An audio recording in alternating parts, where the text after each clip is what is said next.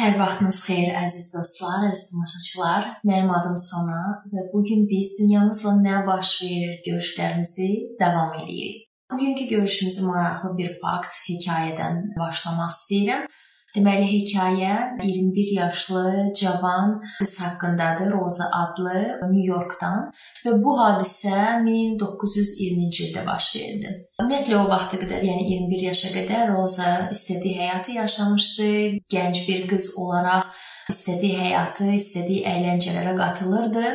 Amma birdən səbəbsiz olaraq 21 yaşında birdən-birə o yuxu xəstəliyinə tutuldu. Bunun adı letarjik ensefalitdir. Tibbi adı. Amma bir müddət sonra o oyandı, hətta hərəkət etməyə başlamışdı. Yöndəmsiz bir pozada qalırdı və yataqda uzanmış bir vəziyyətdə qalmışdı. Və doktorlar, yəni həkimlər onu yoxlayanda gəlib sadəcə katatoniya adlı bir diaqnoz qoydular. Bu da stupor deməkdir. Və onlar dedilər ki, bir müddətdən sonra Rosa yenidən, yəni bir həftəyə, 2 həftəyə, yəni özünə gələcək və rahatlıqla yəni həyatını davam edəcək. Ancaq təəssüflər olsun ki, aylar və illər keçdi, amma Roza həkimlər dediyi kimi heç də nə ayağa dura bildi, nə həmin o pozada illər boyunu, illər boyu yaşamağa davam elədi. Və nəhayət bədəni hərəkətsiz hala gəlib çıxdı və o demək olar ki 48 il tərpənmədən, yəni o yöndəmsiz pozada yəni yataq xəstəliyinə belə deyək də məruz qaldı və o hətta onun üzərində tədqiqatlar da aparırdılar bu xəstəliyini müəyyən etmək üçün.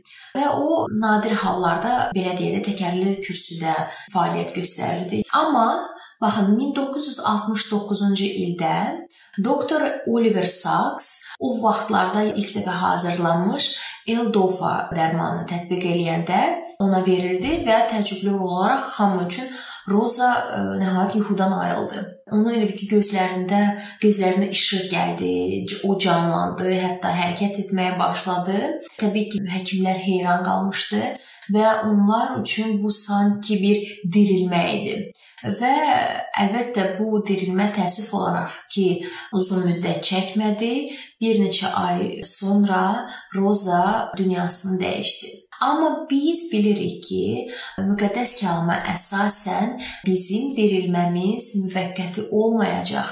Yəni keçən görüşdə biz dediyimiz xilas ikinci həyat üçün, yəni Allah üçün, Allahla həyat üçün dirilmə bizim üçün əbədi olacaq. Və bunun üçün gəlin baxaq təsdiq Yahyanın kitabında 5-ci fəsil 28 və 29-cu ayədə kəndə belə yazılıb. Buna heyrət etməyin. Çünki elə bir zaman gəlir ki, qəbirdə yatanlar hamısı onun səsini eşidib qəbirlərindən çıxacaq. Yaxşılıq edənlər həyat üçün diriləcək, pislik edənlərsə hökm üçün diriləcək. Bu ayə neçə dirilmə haqqında bizə bəhs edir. Deməli, həyat üçün dirilmə və hökm üçün dirilmə.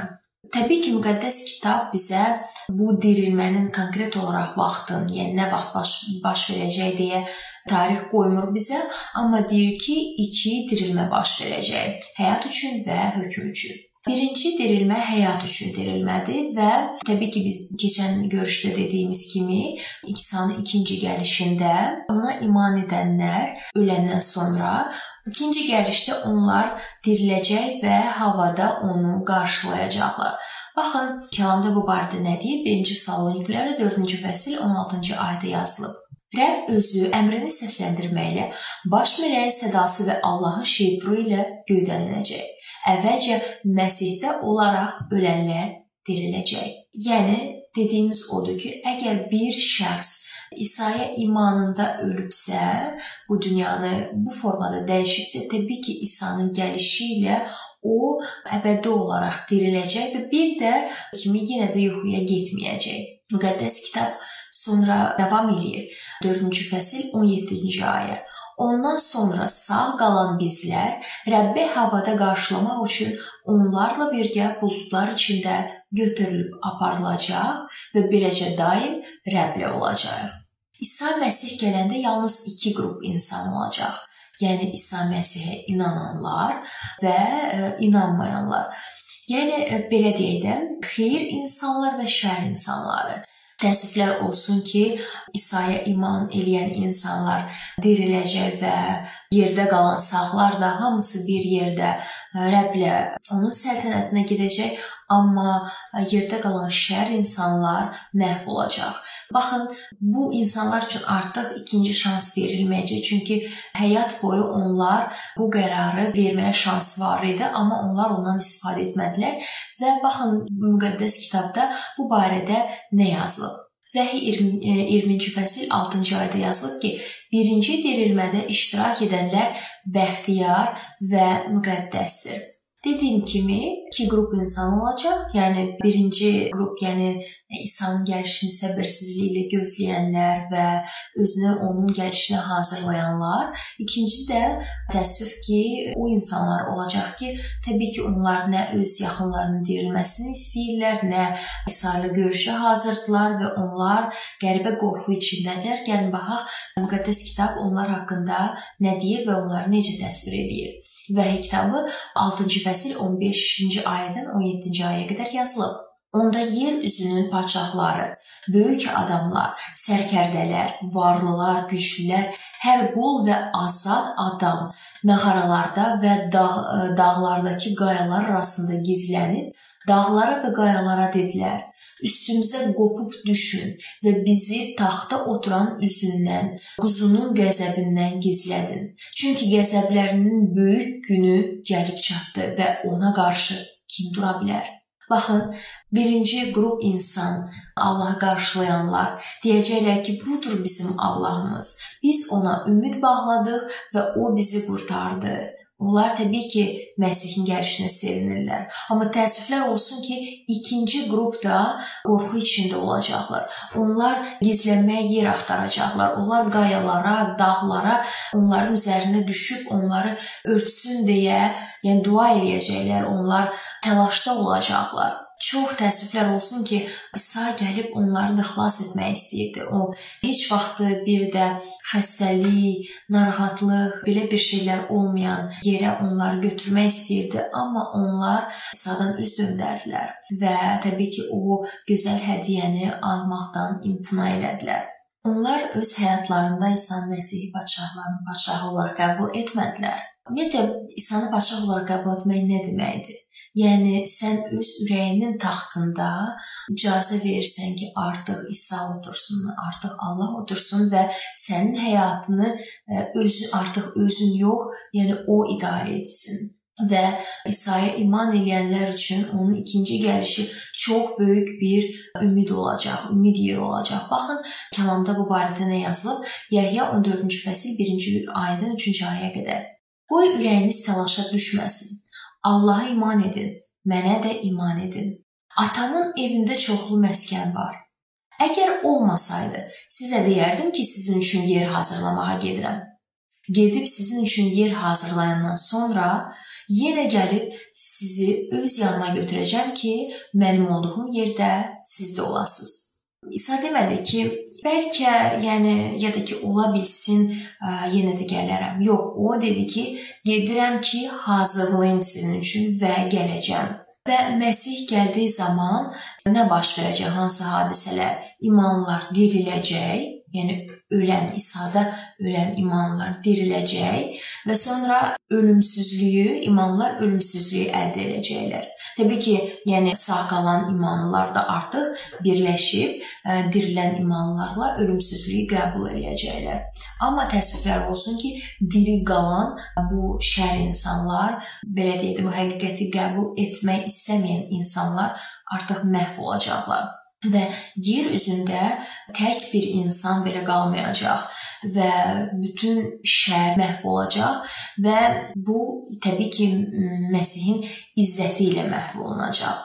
Amma təbii ki, burada hələ ölən insanlar var, hansı ki, həqiqəti qəbul etməyib təbii ki, düzdür? Biz dedik ki, diri olan şər insanlar, onlar məhv olacaqlar. Amma ölülər, bu şər hələ olan ölülər hələ dirilməyib, onlar hələ qəbirdədirlər və burada yalnız salihlər dirilib və bir yerdə Məsihlə göylərə qalxıb, qalxıblar. Və sonra nə baş verəcək ümumiyyətlə? İkinci gəlişdən sonra hansı hadisələr olacaq və bu barədə müqəddəs kitab bizə nə deyir?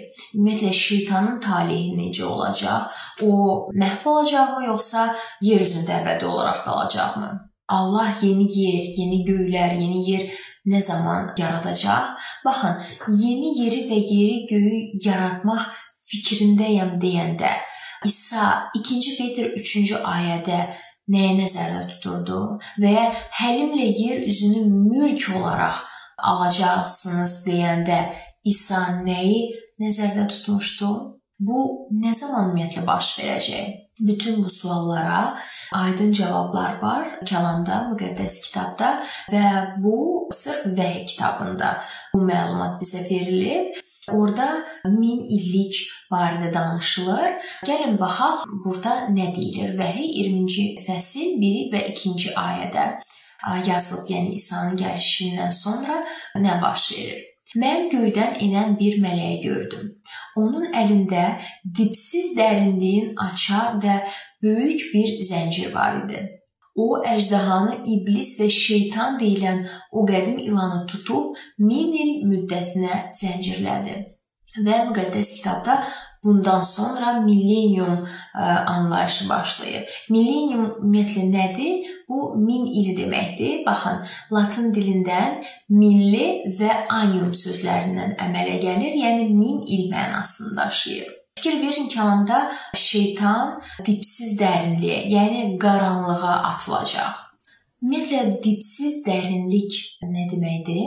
Bəlkə o yerin hansı dərinliklərində yeraltı bir mağaradır. Əhd-i Cədiddə Yunan dilindən baxın, dipsiz dərinlik kimi abusus sözü tərcümə olunub və o da qaranlıq, dərinlik, uçurum, dipsiz quyu deməkdir. Bu söz müqəddəs kitabda necə istifadə olunur? Hansı yerlərdə, digər yerlərdə istifadə olunub?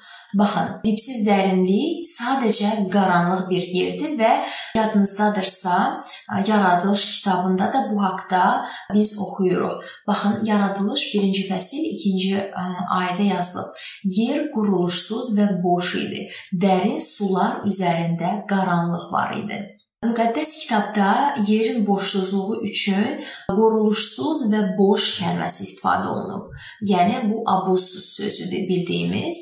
Və beləliklə 20-ci fəsildə və kitabın 20-ci fəsildə qeyd olunan həmin bu qaranlıq dərin yeraltı bir hansısa mağara deyil.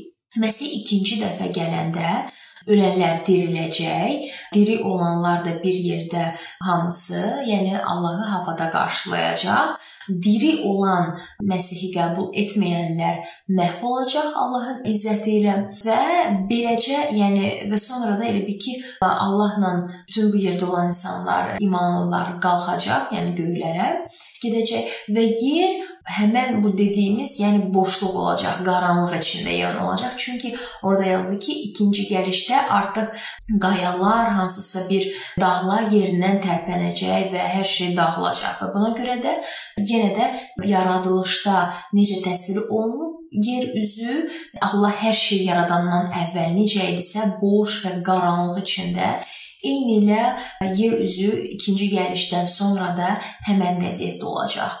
Və bu ayəyə uyğun olaraq, yəni əsasən hansı bu xovlara, yəni şeytan bağlıdır? Məgər Rəbb göydən düşüb şeytanın əllərini zəncirləmi bu xovlayacaq? Yəni o hansı bu xovla bağlı olacaq? Müqəddəs kitab bu sualda aydın cavab verir. Baxın 2-ci Petr 2-ci fəsil 4-cü ayədə yazılıb. Çünki Allah günahkar mələkləri cəzasız qoymadı. Onlar qiyamət gününə qədər saxlanmaq üçün cəhənnəmə ataraq zülmətdə buxovlandı. Buna görə də, yəni kəlama əsasən 1000 il ərzində yer üzündə zülmətdə buxovlandı. Bu əsas məqamdır ki, onlar zülmətdə buxovlandı. Şeytan və onun mələkləri 1000 il ərzində yoldan çıxarmaq üçün heç kəsi tapa bilməyəcəklər və onlar şərait buxovlarına buxovlandı. Onlar günaha sövq etmək üçün insan tapmayacaqlar və beləliklə quruluşsuz və boş və zülmət içində 1000 il qalacaqlar. Və biz soruşa bilərik ki, nə ehtiyac var? Yəni 1000 il şeytanı bu vəziyyətdə saxlamaq, yəni dərhal onu məhv etmək olmazmı? Amma Allah bunu yer üzünün təhlükəsizliyi üçün edir. Nəyə görə? Çünki günah ilə bir problem deyil ki, onu bir günə həll edə bilək. Çünki istər-istəməz daxilimizdə, yəni biz insanlar elə varlığıq ki, ona çox meyilli və o kökdən kəsilməlidir və kökdən məhv olmalıdır. Və bu da bir prosesdir və buna görə də Allah bunun üçün 1000 il nəzərdə tutub şeytanın bu cəzası üçün. Amma təbii ki, biz həmən zaman Allahın göydə olan ziyarətgahında olacağıq. Əziz dostlar, həm də Allah bunu ona görə eləyəcək ki, insan görsün ki, Rəbb nə dərəcədə sevgi Allahıdır. Bunu o görməlidir və bilməlidir ki, ona etibar etmək olar və Allah bizim xilasımız üçün hər şey edəcək. Elə bir ağır günah yoxdur ki, Allah sizi ona görə bağışlaya bilməsin və elə bir quyu, dərin quyu yoxdur ki, Allah oradan sizi çıxara bilməsin əziz dostlar. Dediyim kimi, şeytan qaranlıq və məhv edilmiş yer üzərində dolaşacaq. Min il ərzində yaşayan insan olacaqmı, kimsə qalacaqmı? Təbii ki, şeytan və onun mələkləri olacaq ancaq və onlar yer üzündə gəzib dolaşacaqlar. Kəlam bu barədə deyir. Yeremiya 4-cü fəsil 23-cü ayədən 27-ci ayəyə qədər. Yer üzünə baxdım. Quruluşsuz və boşdur. Göylərə baxdım, işıqları yoxdur. Dağlara baxdım, titrəyirdilər. Bütün təpələr yerlərindən qopurdu. Baxıb gördüm ki, bir adam qalmayıb. Göydəki quşların hamısı uçub getmişdi. Baxın, bəzi insanlar düşünürlər ki, həmin bu minillik dövründə, yəni hansısa insanlar da yaşayacaq. Yəni hələ də yəni yaşamağa davam eləyəcək. Amma mənim müqəddəs kitabım deyir ki, biz Dediyim kimi, yəni göylərdə olan Allahın ziyarətgahına daxil olacaq həmin vaxt. Və ayə davam edir. Baxıb gördüm ki, bəhərli torpaq səhraya çevrilib. Rəbbin önündə bütün şəhərləri onun qızğın qəzəbi ilə dağılıb. Təbii ki, aydındır ki, burada peyğəmbər yaradılış haqqında danışmayıb. Yəni İsa'nın ikinci gəlişindən sonra min illik ərzində baş verən yer üzünü təsvir eləyir bizim üçün. Viran olmuş. Və ayə ayəni yenə də davam edirəm oxumağa. Bəli, Rəbb belə deyir: bütün ölkə viran olacaq, ancaq tam məhv olmasına yol verməyəcəm. Və Yeremiya 25-ci fəsil 33-cü ayədə davam edir. O gün Rəbb dünyanın bir ucundan o bir ucuna qədər öldürülənlərlə dolduracaq. Onlar üçün yaz tutulmayacaq bir yerə yığılıb bastırılmayacaqlar. Torpağın üstündə peyin kimi olacaqlar. Baxın, məhəbbət özü ilə həyat gətirir. Amma egoizm, Allahdan uzaq düşmə e, ölüm gətirir. Və müqəddəs kitab deyir, Vəhy kitabı 20-ci fəsil 6-cı ayət yazılıb. Birinci dirilmədə iştirak edənlər bəxtiyar və müqəddəsdir. İkinci ölümün onlar üzərində səlahiyyəti yoxdur.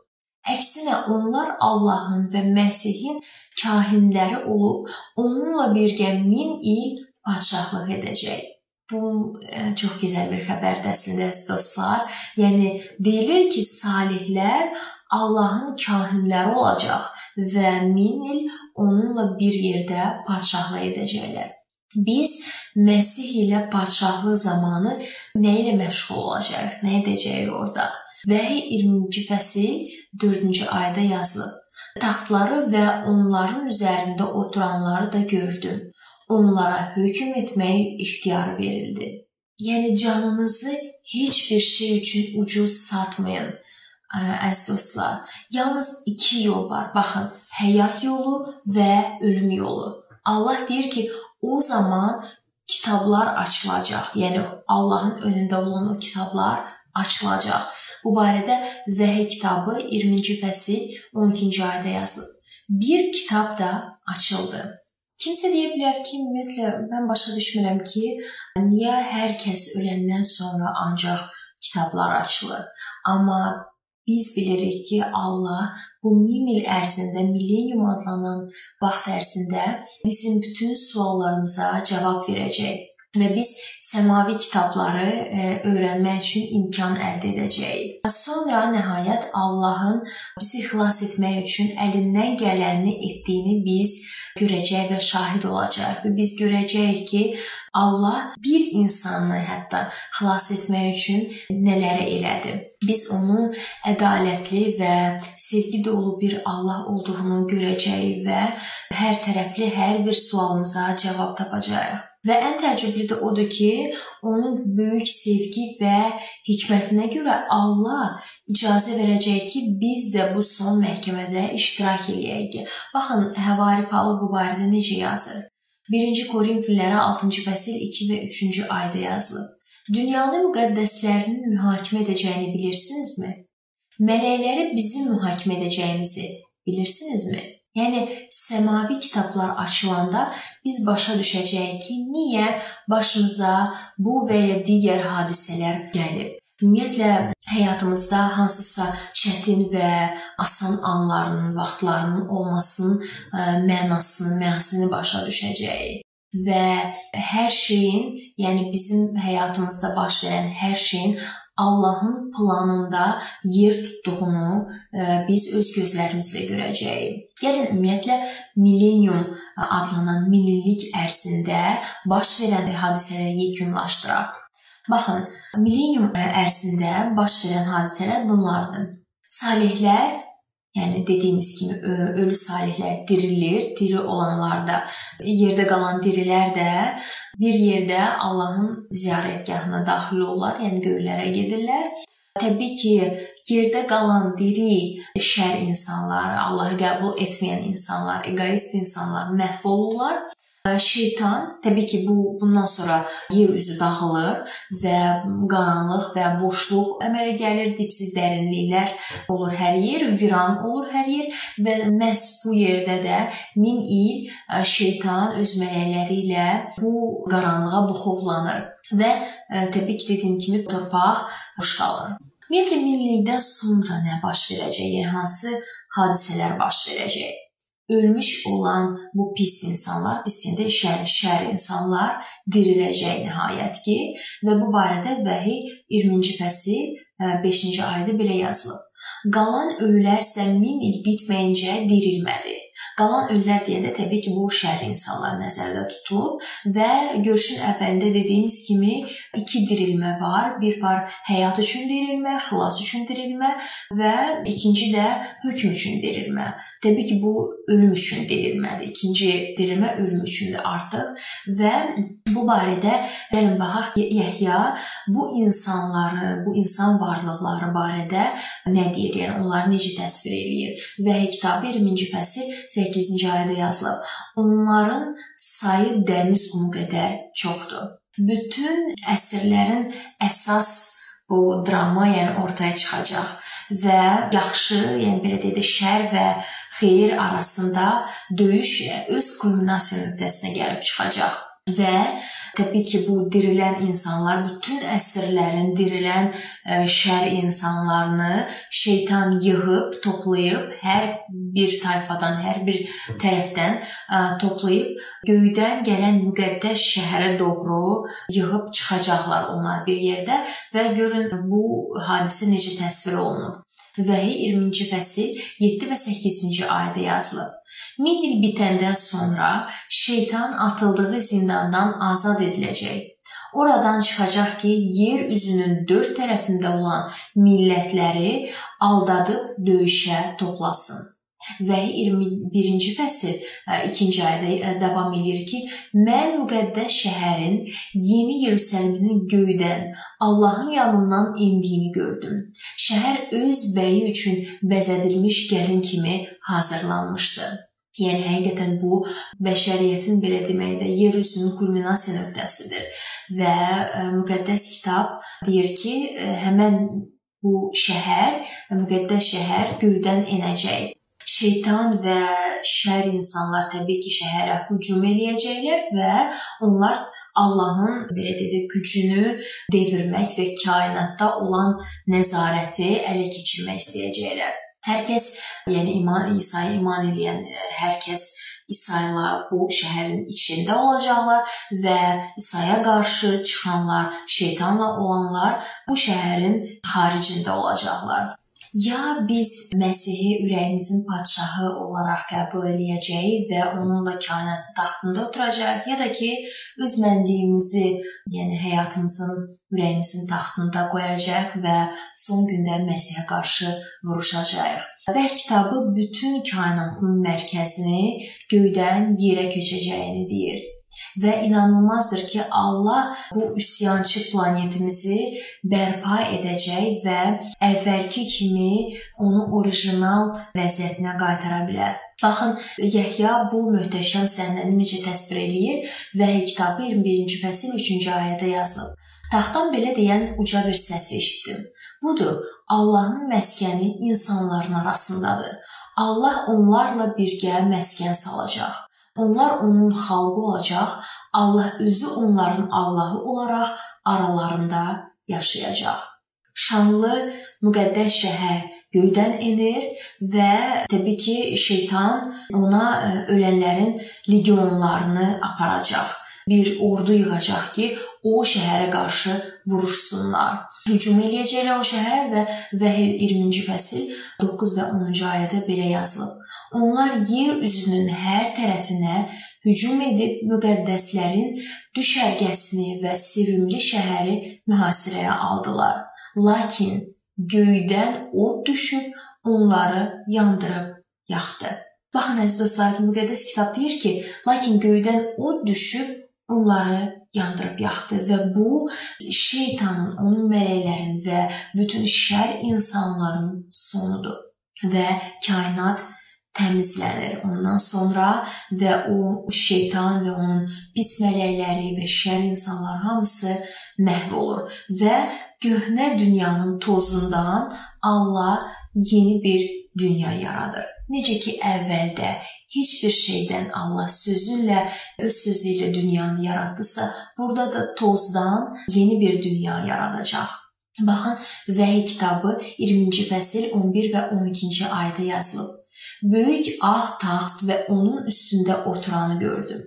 Yer və göy onun önündən qaçdı və onlara yer tapılmadı. Mən gördüm ki, böyükdən kiçiyə qədər ölülər taxtın önündə dayanıb. Kitablar açıldı və həyat kitabı olan başqa bir kitab da açıldı. Ölülər kitablarda yazılanlara əsasən öz əməllərinə görə mühakimə olundu. Əziz dostlar, amma bu ölülər və şər insanlar belə deyək də əbədi məhv olmazdan öncə Allah onların həyatını panorama kimi onlara göstərəcək və onlar nəyə görə mühakimə olunduqlarını dərk edəcəklər və başa düşəcəklər ki, həqiqətən Allah çox ədalətlidir və bu qərar ədalətli bir qərardır. Müqəddəs kitab deyir ki, hər diz onun önündə çökəcək və hər dil Ata Allahın izzəti üçün İsa Məsihin Rəbb olduğunu bəyan edəcək. Bu Filippilərə 2-ci fəsil 11 və 12-ci ayədə yazılıb.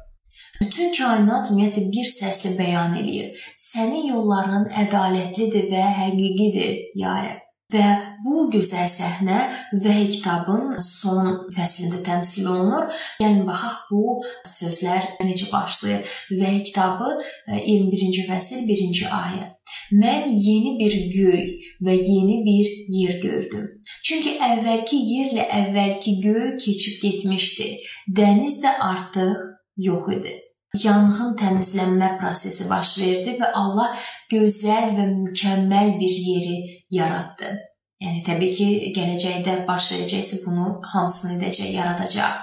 Və gəlin indi biz milleniumdan sonra, yəni bu 1000 illikdən sonra baş verən hadisələri də nəzərdən keçirək, nələr baş verəcək. Baxın, Məsih, müqəddəslər və şəhər göydən enəcək. Biz dediyimiz kimi və pis bu şər insanlar, dirilən, sonradan dirilən insanlar şeytanla bir yerdə, şeytan və onun mələkləri ilə bir yerdə bu şəhərə hücum eləyəcəklər. Amma həmin bu zamanda da son məhkəmə vaxtı olacaq. Yəni hər kəsə öz əməllərini göstərəcəklər, göstərəcək Allah və ən sonda da şeytanı və mələkləri və onunla bir yerdə şər insanlar da hamısını məhv eləyəcək Allah və təbii ki, torpaq, yəni yer üzü təmizlənəcək və yenilənəcək. Və ümumiyyətlə mən sizdən yəni soruşmaq istəyərdim ki, siz bu yeni göylər, yeni yerdə, müqəddəs şəhərdə yaşamaq istəyirdinizmi? Heç bir xəstəlik, əzab, narahatlıq olmayan bir yerdə yaşamaq istəyirdinizmi? Sevgi dolu bir yerdə, yalan, böhtan, heç bir belə yəni pis hisslər olmadığı bir yerdə yaşamaq istəyirdinizmi? Ümumiyyətlə 2-ci Peter 3-cü fəsil 13-cü ayədə belə yazılıb: "Amma biz Allahın vədinə əsasən salihliyin sakin olacağı yeni göyləri və yeni yeri gözləyirik." Bu gözəl dünyada ya əziz dostlar yaşaya bilərsiniz. Allah bu gün oraya sizi dəvət edir. Amma sizin bu dəvəti qəbul etməyə nəsə mane olurmu?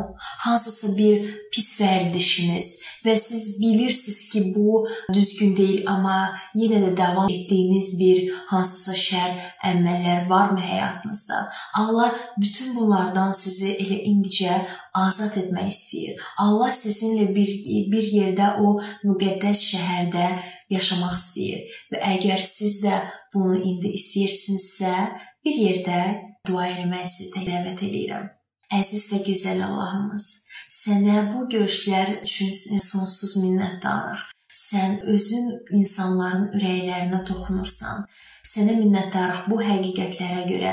Çox sağ ol ki, sən gələcəkdə baş verən hadisələri bu qəddəs kitabın vasitəsilə bizim üçün açırsan və bizə xəbərdarlıq eləyirsən. Ya Rəbb, biz səninlə taxtın önündə duran insanlar olmaq istəyirik, şəhərin içində olan insanlar olmaq istəyirik, ya Rəbb. Biz sənə qarşı vuruşan insanlar olmaq istəmirik. Ata, minnətdarıq ki, sən bizim üçün bu həqiqətləri açırsan və biz İsa Məsihi öz ürəyimizin padşahı eləmək istəyirik və bu öz ürəyimizin taxtını ona vermək istəyirik. Qoy o bizim həyatımızı idarə eləsin. Çünki biz bilirik ki, sən bizim həyatımız üçün elədiyin hər şey bizim xeyrimizədir və bizim xilasımız üçündür. Və biz bu xilası öz həyatımıza qəbul eləyirik, ya Rəbb. Bütün hər şey üçün həyatımızda sənə minnətdarıq və sənin bol sevgin və mərhəmətin üçün sənə əbədi olaraq şükürlər olsun. Sənin gözəl və uca ismi ilə dua elədik. Amin. Əziz dostlar, indi isə bizim bu görüşümüz də sona çatdı. Ənənəvi olaraq sizi çağırıram ki, əgər hər bir ə, sualınız və hansısa bəlkə aydın olmayan məqamlar varsa bu mövzuda, mütləq şəkildə bizdən əlaqə saxlayın, bizə yazın. Suallarınız varsa, ya fikirləriniz varsa hər hansı bir dəyərli fikirlərinizi də bizimlə bölüşə bilərsiniz, şərh yaza bilərsiniz ya da ki, şəxsi mesaj qutusuna da öz fikirlərinizi bizimlə paylaşa bilərsiniz. İndi isə mən sizinlə sağollaşıram və növbəti görüşümüzdə görüşmək ümidi ilə sülhlə qalın.